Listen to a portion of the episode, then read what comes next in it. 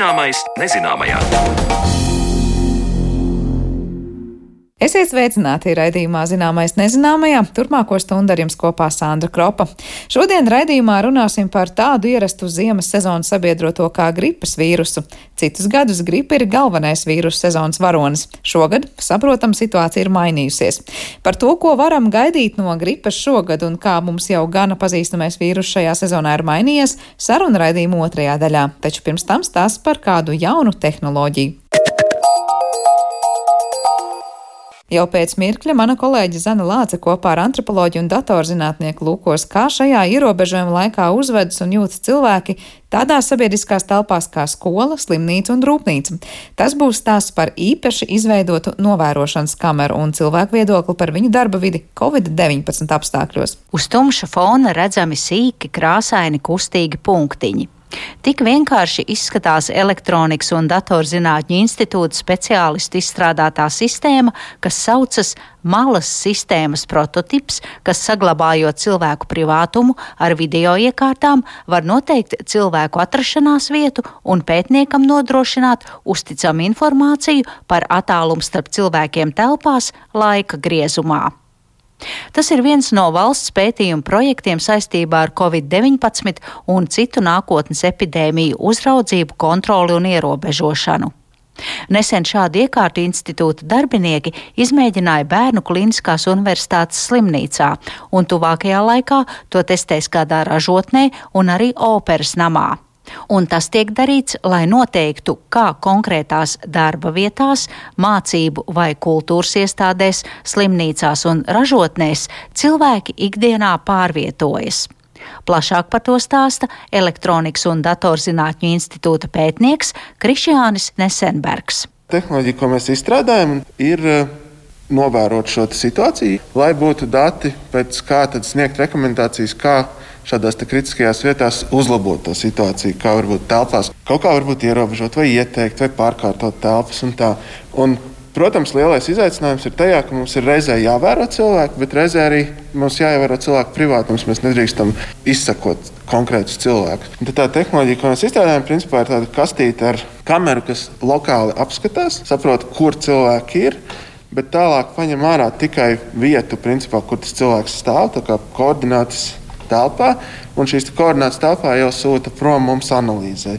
Nezinot, vai tas ir šis cilvēks vai tas, bet tādā vispārīgā kontekstā. Un tālāk jau šo informāciju mēs analizējam, secinām, cik bieži kādās telpas vietās cilvēki, piemēram, uzturās ilgāk par noteiktu laiku, tuvāk par metru vai pa pusotru metru, kas nu, tajā brīdī ir epidemiologiem svarīgāks kaut kāds konkrēts mērījums.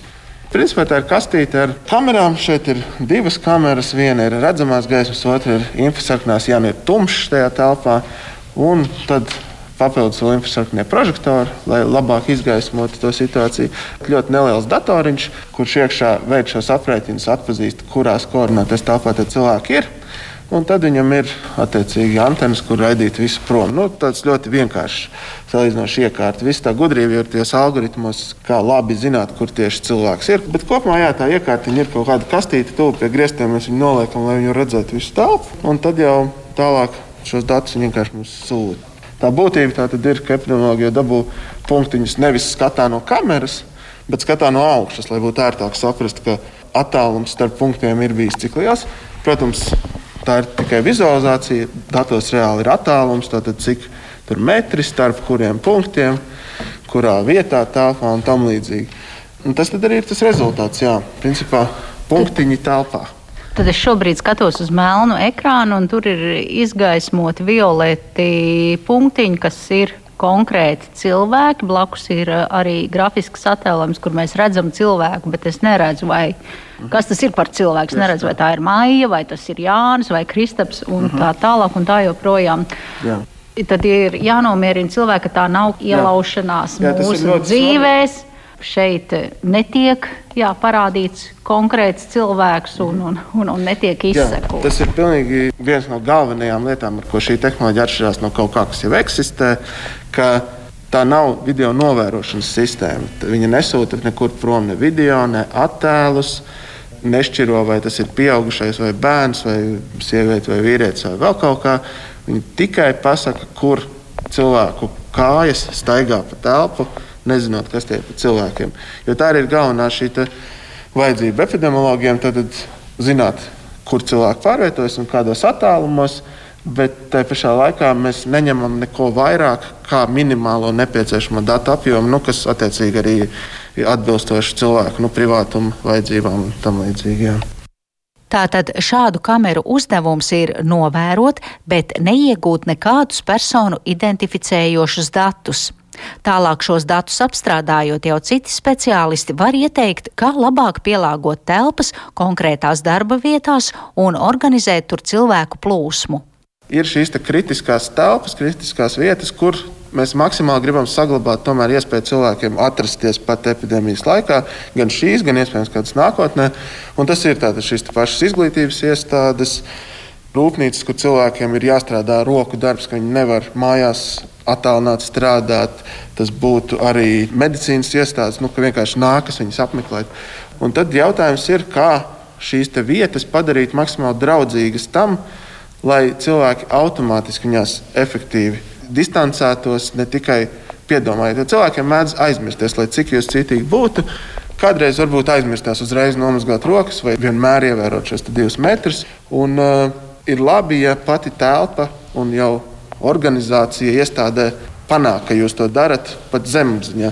Un, attiecīgi, mērķis ir principā, veidot vadlīnijas, kā šādas telpas iekārtot, un kur ir nepieciešams tur, protams, ka ir kaut kādi reāli ierobežojumi, ka kaut ko neļauj darīt, bet minimizēt tādus piespiedu ierobežojumus un maksimizēt to, ka telpa pēc būtības vada cilvēkus, kur viņiem jāiet, un neliek viņiem drūzmēties.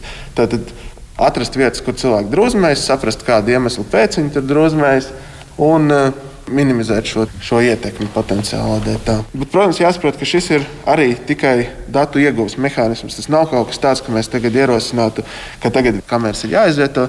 Tas ir, lai mēs saprastu to situāciju pēc būtības un pēc tam jau varētu dzīvot bez tā.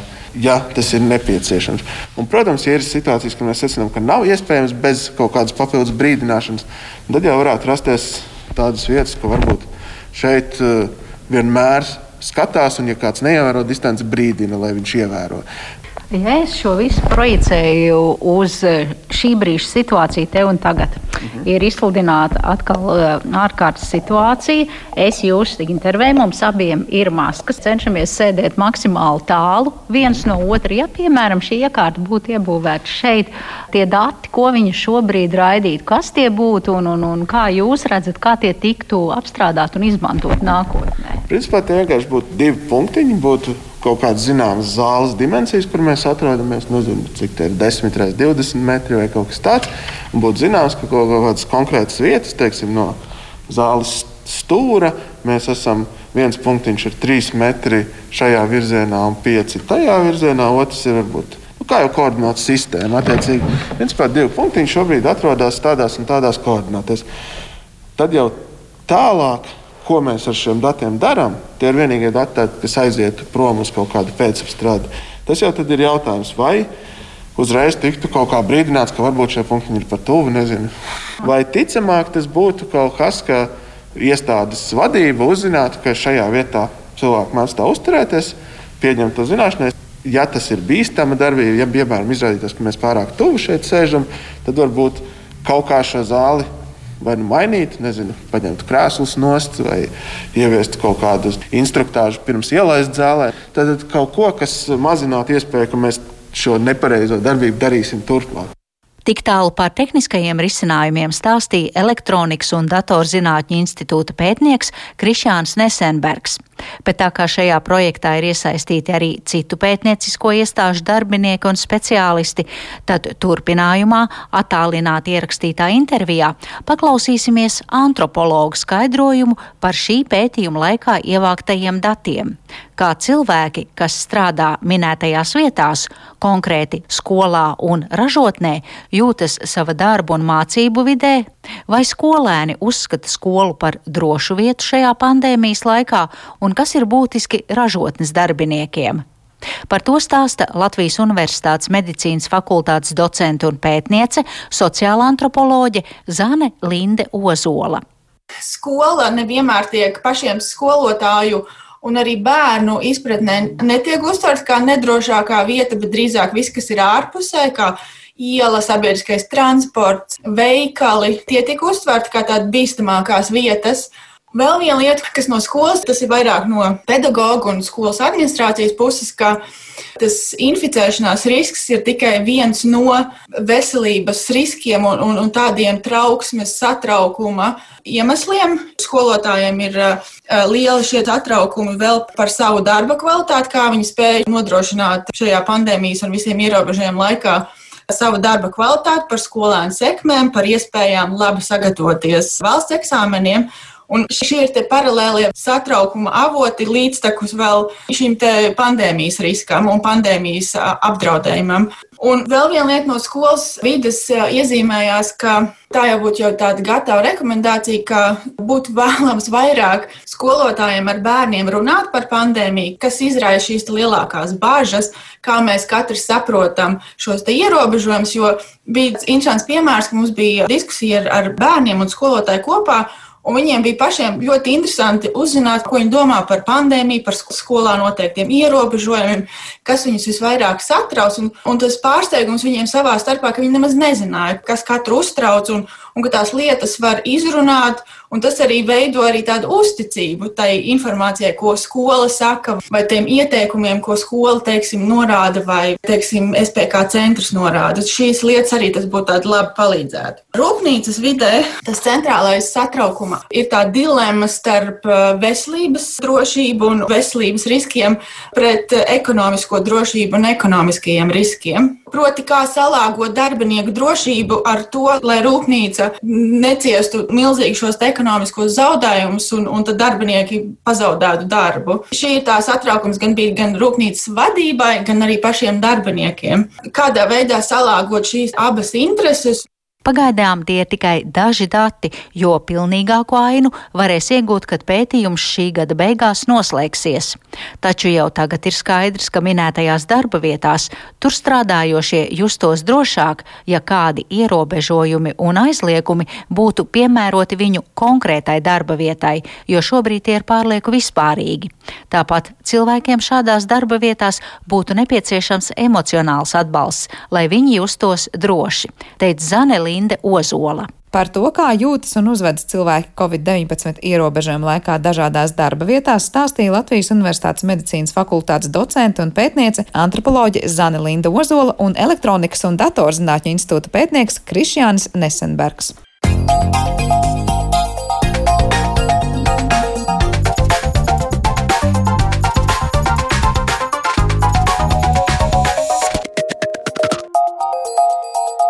Zināmais nezināmajā. Gripu neviens nav atcēlis arī šogad, kad kā mediķu un pētnieku, tā arī mediju un sabiedrības uzmanības fokusā ir Covid-19. Kā šogad izskatās gripas vīrus un vai un kā tā izplatība ietekmēs jaunais koronavīrus, par to visu runāsim atlikušajā raidījuma sadaļā, kad attālināti esam sazinājušies ar infektologu, hepatologu, Rīgas Austrumu Kliniskās universitātes slimnīcas infekciju uzraudzības dienestu vadītāju un arī Rīgas Stradiņu universitātes docētāju Māri Liepiņu. Labdien!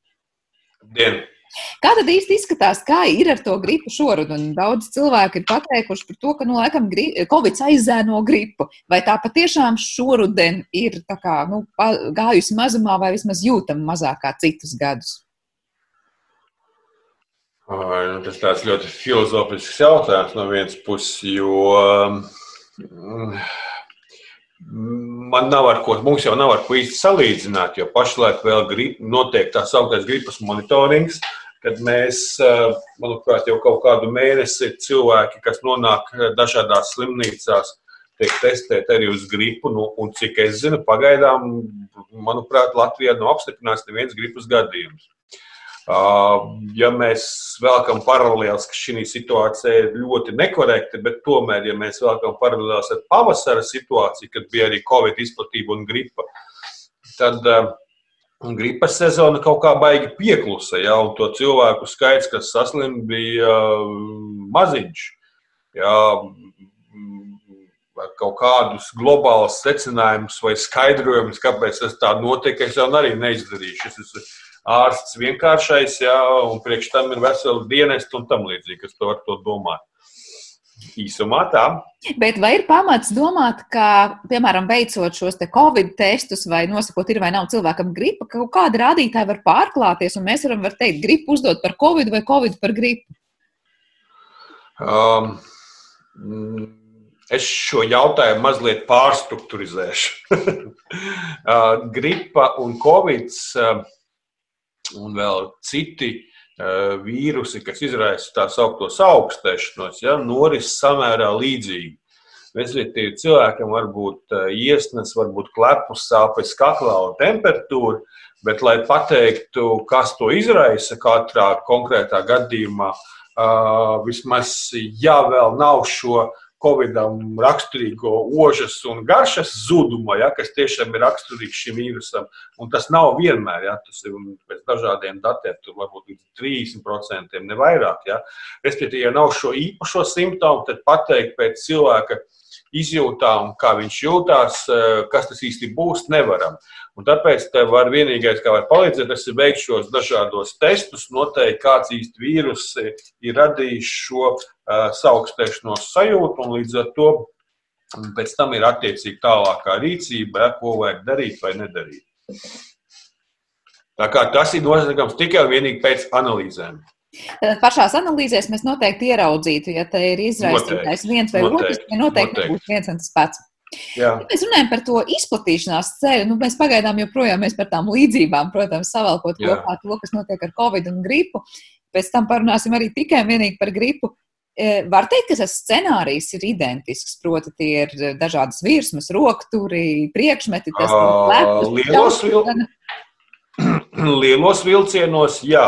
Lielos vilcienos, jā, gripa un covid izplatās tāpat kā pārējie respiratora vīrusi gaisa pilienu ceļā. Tas ir tas pamats. Jā. Un gaisa pilieni nokļūst uz virsmām, kaut kādam uz galda, uz rokturiem, tam līdzīgi, un tad mēs varam tiem pieskarties un dabūt. Mēs varam dabūt šos vīrusus sarokojoties ar otru cilvēku, viņš pirms tam ir nošņauts degunu vai kaut kā tam līdzīga.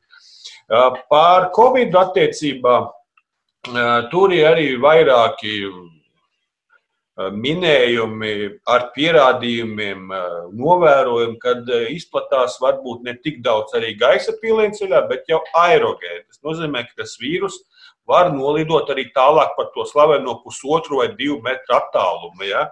Bet uh, tomēr pamatā tiek uzskatīts, ka tas ir gaisa piliens, un tāpēc arī šī divu metru distancēšanās ir laikam pamatu pamats, kā izsargāties no, no, no, no, no Covid un arī no pārējiem respiratoriem vīrusiem. Ja?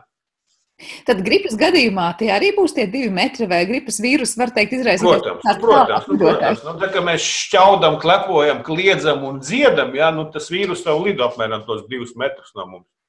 Bet nu, nevarētu teikt, ka gripas gadījumā tas būtu kaut kāds rekordists, kas noteikti pārvarēs tur 6 un 5 metrus, nekā, nekā varbūt salīdzinot ar citiem. Nu, kā špļauj? Bet kā vispār ir ar to gripas izraisītāju vīrusu? Cik ilgi tas dzīvo apkārtējā vidē, un vai tas kaut kā salīdzinot ar citiem ir ar kaut ko īpašāks? Oh, tas ir. Nu, tas ir epidemioloģisks jautājums. Es, es, es negribu tagad uh, ielīst citu lauciņā, ja gripas vīrus. Uh, Es teikšu tā, ka uh, viņš, protams, uh, uz virsmām var dzīvot, uh, cik ilgi negribu minēt, bet uh, tāpēc, ja mēs uh, kaut vai mājās apstākļos notīram ar mitru lupatu vai ar kaut kādu speciālu līdzekli, kas nav nekāda baigā ķīmija, tad mēs to vismaz to lielāko daļu vīrusu noda- nodabūjam nost. Un tas pats arī attiecās teiksim, uz to, ko nu, atkal paralēls ar Covid. Ja, kad eh, ļoti labi 70-grādīgs alkohols šķīdums arī ļoti labi nogalina eh, vīrusu, pie tam daudz lielākā daudzumā, kas atrodas uz virsmām. Bet cik ilgi uz kuras virsmas dzīvo, eh, es to neņemos teikt. Tas ir vairāk epidemiologu un vīrusologu jautājums. Man, man galvenais ir, lai būtu tīras rokas un lai neviens nepieskartos mutei, un tad jau neslimos. Varbūt mazāk slimos, ne jau neslimos. Tā. Tas, ko par gripu gan mēs diezgan bieži dzirdam, tās ir divas lietas. Tas ir sezonalitāte, tad, tas ir rudens, ziema, kad Latvijā Jā. par to vairāk runājam, bet tajā pašā laikā ir arī pavasarī. Tad es saprotu, ja šīs te, nu, gripas gadījumi. Kā tur sanāk ar to gripas īsto sezonu? Kad tā ir un kas to nosaka? Ah, nu, to nosaka, tas ir um, tā, ka uh, vīrusam. Uh, tas atkal tas tāds vīrus, tas ir, zināt, jūs tam uzdodat jautājumus, ka neprakti, es esmu praktizējošs ārsts. Ja. Infekcijas slimībām ir raksturīga, gripa ir raksturīga sezonalitāte. Tad viņi tiešām ir pārsvarā izplatās ziemā, nu, augstajos mēnešos. Un, un, un kāpēc viņš nav vasarā, nu, tas atkal nav jautājums pie manis. Nu, tas tiešām, es negribu vienkārši līst tur, kur es to, es nezinu, un tas nav, Nu, tas nav jautājums pie manis. Vienkārši es zinu, es to pieņemu kā faktu. To jau mēs visi zinām, ka gripa izplatās pārsvarā augstos mēnešos, sākot no parasti no decembra sākuma līdz kaut kādam aprīļa beigām, un tajos augstos mēnešos gripa arī izplatās vairāk. Vasarā mēs viņu taču neesam redzējuši. Nu, neesam redzējuši. Nu, pieņemam to kā faktu un pārāk tur neiedziļinos. Tas nav mans sūtība. Bet tā otra lieta, ko mēs parasti dzirdam, ir tas, ka katru gadu tā gripa mainās. Un kas īsti notiek ar to mainību? Un kāpēc gripa nu, mainās? Tur jau ir tā lielākā problēma arī ar vakcīnas izstrādi, ka gripas vīrusam ir raksturīga šī mainība. Tur ir dažādi mehānismi, nu, normālā cilvēka valodā runājot, viņš var mainīties stiprāk un mazāk. Ja? Bet tas notiek visu laiku. Un tad, kad notiek šī kaut kāda stiprā mainība, tad ir tā sauktās gripas pandēmijas, ja, kad, kad nestrādā vairs tā vakcīna, kas, kas tiek izstrādāta. Katru gadu apmēram prognozējot to izplatību, kāda vīrusa cirkulē iepriekšējā sezonā, ja, un mazliet tā vakcīna ir tāda kā paredzot, kas varētu būt. Ja. Taču, ja notiek liels gripas vīrusa izmaiņas, ja, tad šī vakcīna, protams, var nepalīdzēt. Un, e, tā ir tā lielākā problēma ar gripas vīrusu, kad izstrādāt universālu vakcīnu. Pašlaik pie tā visi daudz strādā, bet arī pašlaik līdz šim vēl vienam nav izdevies. Ja, tā, lai būtu un tiepoties vienu poti, un tu zini, ka viņi simtprocentīgi tev pasargās, pat ja radīsies kaut kāda jauna pandēmija. Nu, kā bija 18. gadā, toreiz jau vakcīnas nebija, bet tad bija vēl vairākas, trīs vai četras pandēmijas, ko es pēc gadiem arī neatceros. Nu, slavenākā bija 2009. gada tā sauktā cūku gripa, putnu gripa, sauciet kā gribat, bet toreiz bija tā pandēmija, ja? tad arī bija, pavisam, bija lielāka vīrusu izmaiņa. Ja? Bet kā sanāk, tā vakcīna jau patiesībā darbojas uz cik ilgu laiku, var teikt, līdz nākamajai gripas sezonai? Jā, jā, jā, jā, jā. ir vēl tāda. Nu jā, nu, faktiski mm, gripas eh, vakcīna ievadot, radās tā sauktās neutralizējošās antivielas eh, pret eh, konkrētiem gripas cēlumiem, biežāk izplatītākajiem, biežāk tādiem, nu, kuri um, nu, labi, radās šīs antivielas, un viņas parasti saglabājās gadu pēc vakcinācijas. Pēc tam viņas izzūd. Savukārt ir, nu, ir, ir savukārt arī pētījumi par to, ka, piemēram, cilvēks, kurš dabiskā ceļā pārslimo gripu, ja, tiem antivielas saglabājas ilgāk. Arī tas ir interesanti. Ja?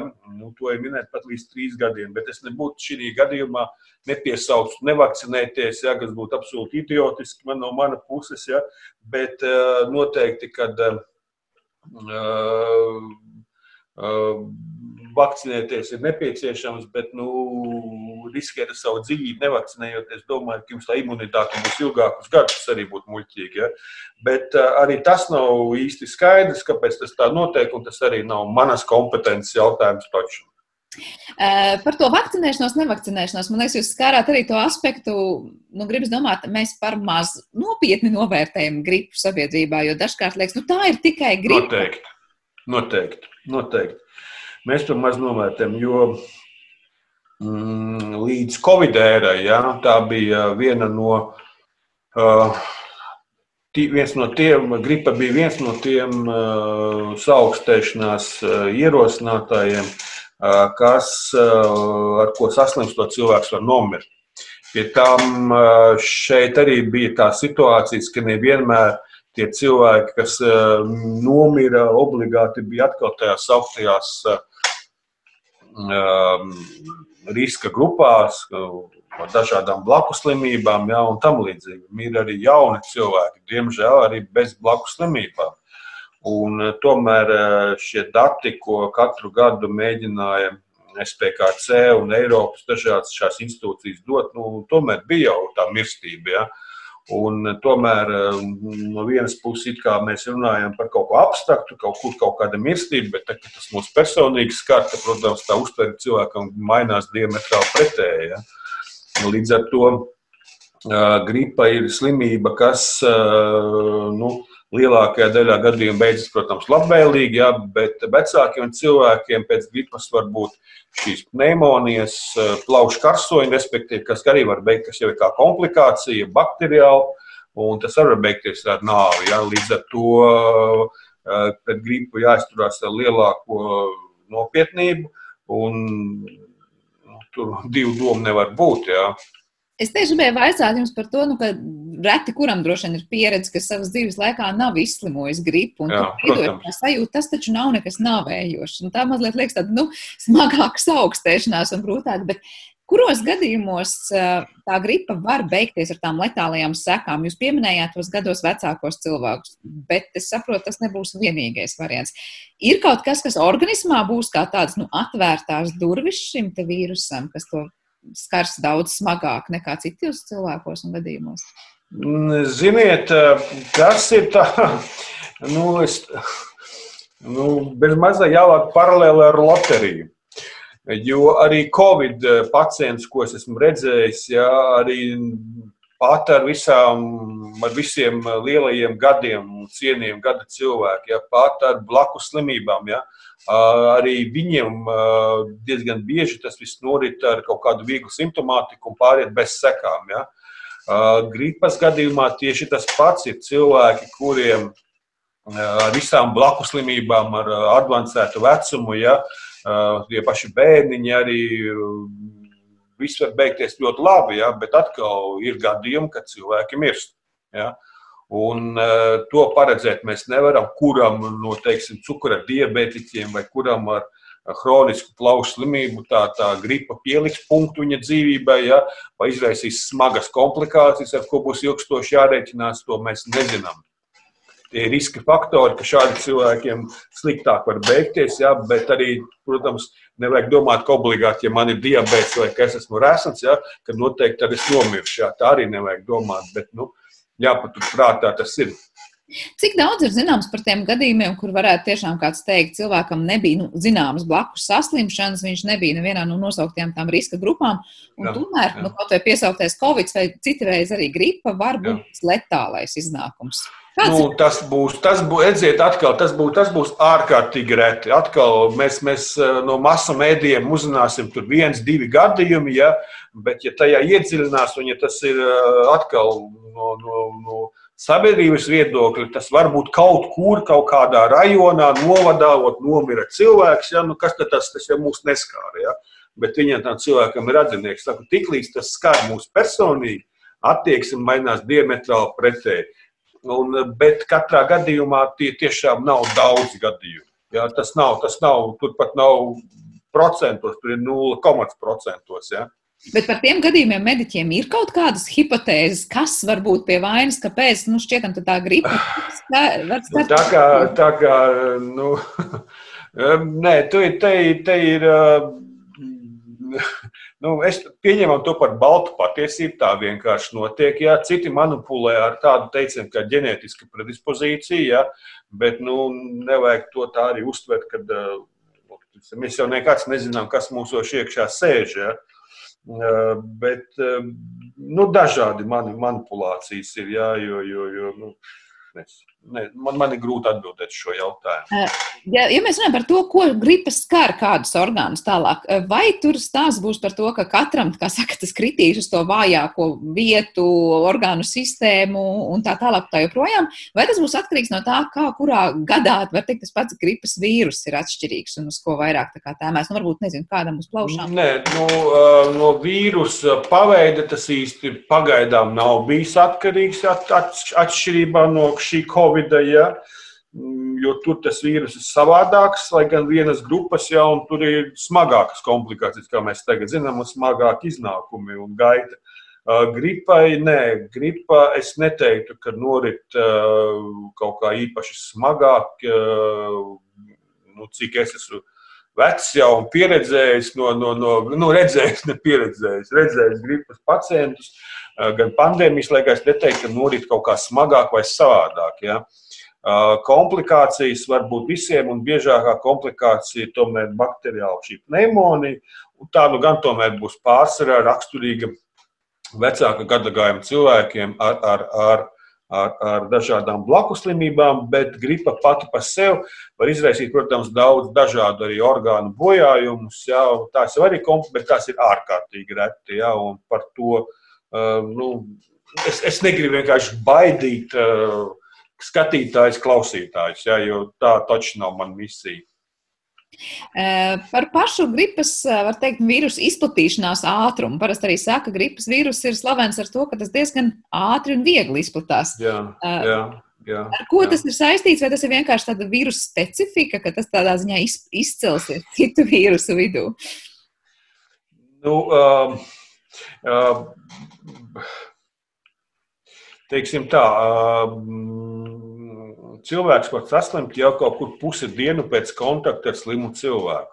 Uh, vienkārši viņš ir ārkārtīgi tāds, nu, es negribu teikt, varbūt to nosaukt par agresivitāti. Ja viņš uh, ātri cilvēks var inficēties un ātri saslimt. Atšķirībā no Covid, kurš var cilvēks saslimt tikai pat pēc divām nedēļām pēc kontakta ar kādu nezināmo Covid pacientu. Ja, gripai tas norit visātri, un tāpēc arī teiksim, ļoti īsā mirklī var saslimt visa ģimene. Jo, ja parasti tiek vai viss kolektīvs, ja, vai hokeja komanda, ja, ja visiem uzreiz viss sākās, ja, tad skaidrs, ka tā būs gripa. Ja sakās pakāpeniski pēc nedēļas viens, nu ļoti labs piemērs pašlaik tā kā Rīgas dīnāmo, es gan hokeju nesatos, ja, bet viņiem arī viņiem, viņiem no sākuma vieni slimoja, tagad otri, ja, un pēc tam vēl būs, būs varbūt trešie. Ja.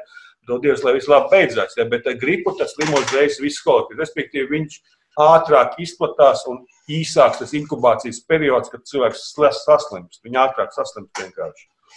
Kas notiek tālāk cilvēka organismā? Nu, tas vīrus ir nonācis, piemēram, jau pat, nezinu, pusdienas laikā. Kur tas Jā. izskatās, ko tas dara un kā tas novada pie visām tām sajūtām, kas parasti nu, grib pavadīt visu kaulu laušanu, temperatūru un vispārējais? Nu, nu, jā, tas ir vīrus, nokļūst mums augšējos elpošanas ceļos, nu, tur aiz deguna, rīklē, un tad nu, rīklis tur tāda trahē, tāda trubiņa, ja, tur, kur mēs elpojam. Un tur šis vīrus vairojās un rada bojājumu, un šis bojājums savukārt nu, ir iekaisums. Ja, un kā pie jebkura iekaisuma, nu ne pie jebkura, bet nu, pie šī iekaisuma radās temperatūra, sāpes, tūska, ja, un tas viss rada šīs nepatīkamās sajūtas. Ja. Cilvēkam paceļās temperatūra, viņa organisms sāk arī aktīvi cīnīties pret vīrusu. Ja. Tūska radās, nu, tāpēc pietūks, teiksim, tās visas. Nu, ne jau iekšā, tur tā ļoti tāda pietūks, un tas rada sāpes kaut kādas šajās, šajās nu, kaklā, trahejā, skrūšu kurve un klepu reflektoru. Un tas tas tā vienkārši stāstot. Nu, no kurienes tā ir? Vīrusam patīk dzīvot augšā. no kurienes rodas tās kaulu laušanas sajūtas, kad ir augsta temperatūra un gripa? Jo to ļoti bieži izmanto kā tādu, nu, tad, ja kauls nelauž, tad gripas nav. Nu, jā, jā, tas ir gripai raksturīgs simptoms, eh, bet kauls lauž ne tikai pie gripas, pie jebkuras temperatūras kauls varētu lauzt. Jā, tā kā tas ir, tas ir vienkārši um, nu, tāds, eh, nu, tās nav raksturīgs simptoms. Tā ir tā sauktā vispārējā organisma intoksikācija. Uh, tam nav sakars ar vai gripa, vai ir, vai gripa nav. Bet var teikt, gripas vīrus nonākot organismā nu, ļoti, ļoti strauji vairojas, ja? un tad var vienā brīdī jau būt jā, jā. Nu, kolonizēts. Arī man patīk jūsu teikums, un tāpēc arī es, ko es gribētu pateikt ārstēšanā, ja cilvēki nav bijuši tik, tik um, tālredzīgi, nav vakcinējušies, tāpēc arī šīs pretgripas medikamenti, ko ir iespējams lietot, ja, uh, viņi ir jālieto nu, faktiski pirmās divas dienas, nu, ideāli pirmajā diennaktī, jo pēc tam jau vīruss jau būs visu izdarījis, ja būs un ja pretvīrus medikamentiem vairs nav tik liela efekta uz iedarbību. Ja, līdz ar to mēs novēloti lietojot šos pretvīrus medikamentus vienkārši paildzinām savu slimošanu. Ja, tas, ir, tas ir ļoti forši, ko jūs pat pieminējāt. Pat cik tas notiek ātri. Tāpēc arī ātri jārīkojas un ātri jādod šie pretvīrus medikamenti. Ceļš, protams, cilvēkiem ar kaut kādām šīm nopietnām slimībām un veciem cilvēkiem. Jā. Kas notiek gadījumos, ja to gribu tā tautas valodā saka izstaigā? Nu, protams, saka, nepievērš īpašu uzmanību tam, kas notiek. Nu, ir pagrūtāk, bet es eju uz darbu, es eju uz, uz citām vietām. Nu, iz, izņemot to, ka aplipina pārējos, vai tas ir tāds organismam, nezinu, tāds uh, bumbarlaika degli, ko mēs patiesībā atstājam jebkurā nu, brīdī? Nē, īsti ne, īsti ne. Tās komplikācijas, kas var rasties, nu, tās, kas ļoti reti, ko es no sākuma negribēju jums minēt, ja, tās jau rodās pēc tam, un tas nav atkarīgs no tā, ja cilvēks jūtās labi, teiksim, viņš ir izslimojis, nu, varbūt viņam vēl mazliet nespēks, ka viņš tagad metās, protams, viņš var aplipināt citus, ko es pareizi pateicāt, bet tas noteikti neietekmēs to, vai viņam radīsies kaut kādas komplikācijas pēc, pēc pārslimotas gripas. Bet, protams, ka nevajag mesties uzreiz, jo, jo, jo, jo nu, tomēr cilvēkam ir mazliet jāatkopjas arī. Jo, jo, ja jūs noteikti pats esat slimojis, nu, kurš nav slimojis kaut ko līdzīgu gripai, arī es tā skaitā, protams, ka pirmās dienas nu, gribās vienkārši pagulēt mājās un uzvilkt spēkus, ja, un tad, kad tu jūties, ka tu vari piecelties no gultas un aiziet uz darbu tad arī, tad arī ok. Rādītājs, ka viss jau ir vairāk vai mazāk kārtībā. Par to gripas Jā. vakcīnu vēl runājot, cik laiku iepriekš ir tā jēga vakcinēties un teikt, mēs vēl paspējām pirms tā gripa ir sākusies? Septembrī. Tikko vakcīna tiek parasti nonāk Latvijā septembrī. Nu, ja man nebija atmiņa, jā, tad septembrī arī tik līdz viņi ir tālreiz vajag vakcinēties, jo varbūt visādas situācijas. Par šī gada vēl gribu runājot, noslēdzošie jautājumi no manas puses. Cik daudz, jūs teicāt, ka mums gadījumu vēl nav Latvijā reģistrēts šo? šo nu, vienkārši es varbūt es kaut ko palaidu garām, jo es tikai par Covid vien zinu tagad, ja? bet, bet eh, es neesmu dzirdējis pašlaik, jā. Bet, ja jau katru gadu prognozē, kāda būs tā gripa, kurā nu gadā un kas būs ar vakcīnu, cik daudz ir zināms par to šī gada gripu vispār pasaulē? Ar ko tā ir atšķirīga un vai tā būs? Ne ar ko. Tā? Ne ar ko viņas neatšķirās. Vakcīna ir, manuprāt, viņa ir mazliet atšķirīga no iepriekšējiem gadiem, bet viņa katru gadu atšķirās. Galvenie tie cēlmi, cik četri, četri cēlmi, gripas cēlmi, kas rada imunitāti, ir iekš, iekļauti vakcīnā, kas parasti ir efektīvi. Un, un ja, kā saka, būs trāpīts, tad neviens ar gripu neslimos. Kā, vai ir iespējama situācija, ka cilvēks slimo vienlaicīgi gan ar gripu, gan ar covid šī gada kontekstā? Domāju, ka jā, un tāpēc tā ir tā lielākā baile. Tas jau arī ir rādītājs, kas man ļoti patīkams, ka pašlaik gripas vakcīnas ir ļoti pieprasītas. Cilvēki tiešām steidz vakcinēties, un es domāju, ka šogad vairāk kā iepriekšējos gados tā vakcinēto pret gripu cilvēku skaits būs ļoti liels, un tas ir patīkami, jo tiešām ir grūti spriest, kā būs. Ja? Jo diezgan bieži ir bijis tā, ka Nu, atkal tā sauktā sezonalitāte, kad sākās gripa, tad beidzās citi vīrusi. Ja? Jo, jo ir daudz dažādu šie augstēšanās vīrusi, bet kā būs tā, man ir grūti spriest. Tāpēc, par cik abi vīrusi var arī potenciāli letāli, ja viņus abus salaiž kopā, kas tur vēl var būt, vēl pat nav iedomāties. Tā kā noteikti vajag vakcinēties, lai vismaz viena tikai slimība, ja nedodies būs, viņa tad labāk izslimot vienu, nevis divas. Nu, pagaidām izklausās, kamēr ir covid, vai kamēr covid nav beidzies, nav sākusies gripa, bet, jā, kā jūs teicāt, vēl nevaram Mēs zināt, nezinām, kā tas notiks. Viņi var tikpat ātri kā, kā covid sākties atkal arī. Bet vai šobrīd vēl ir vērts vakcinēties pret gripu, vai ir jau nokavēts? Jā. Ir jau nu, septembris aiz kamēr, kamēr, kamēr, kamēr mēs jau īpaši, nu, kamēr es varbūt es palaidu garām, bet kamēr es jau nezinu, ka ir gripa, ja, noteikti vajag vakcinēties, lai ir mierīgāk ap sirdi. Jā. Labi, liels jums paldies par šo sarunu. Es ļoti ceru, ka šajā gadā tiešām mēs arī mazāk dzirdēsim par gripu, bet nu, tas skaidrojums, kas izskanēja sākumā par to, ka iespējams gripu un covid kaut kādā brīdī mēs sajaucam vai vismaz statistiski saskaitām, statistiski saskaitām kopā, es saprotu no jūsu puses, tā kā nu, bažām tādām pamata nav. Nē, nē, nē, nē, nē. Ja, vien mēs, ja vien mēs taisām diagnostiku, tad nevajadzētu neko sajaukt kopā, un tad mēs atšķiram tikai pēc diagnozes, pēc šīm specifiskajām analīzēm. Nu, ko, liels jums paldies par šo sarunu. Dzirdējām infektuologu, hepatologu, Rīgas Austrum Kliniskās Universitātes slimnīcas infekcijas uzraudzības dienas vadītāju un Rīgas Stradiņu Universitātes docētāju Māru Liepiņu šeit mūsu attālinātajā studijā, un ar to arī mūsu raidījums ir izskanējis. Paldies visiem par klausīšanos un uz tikšanos!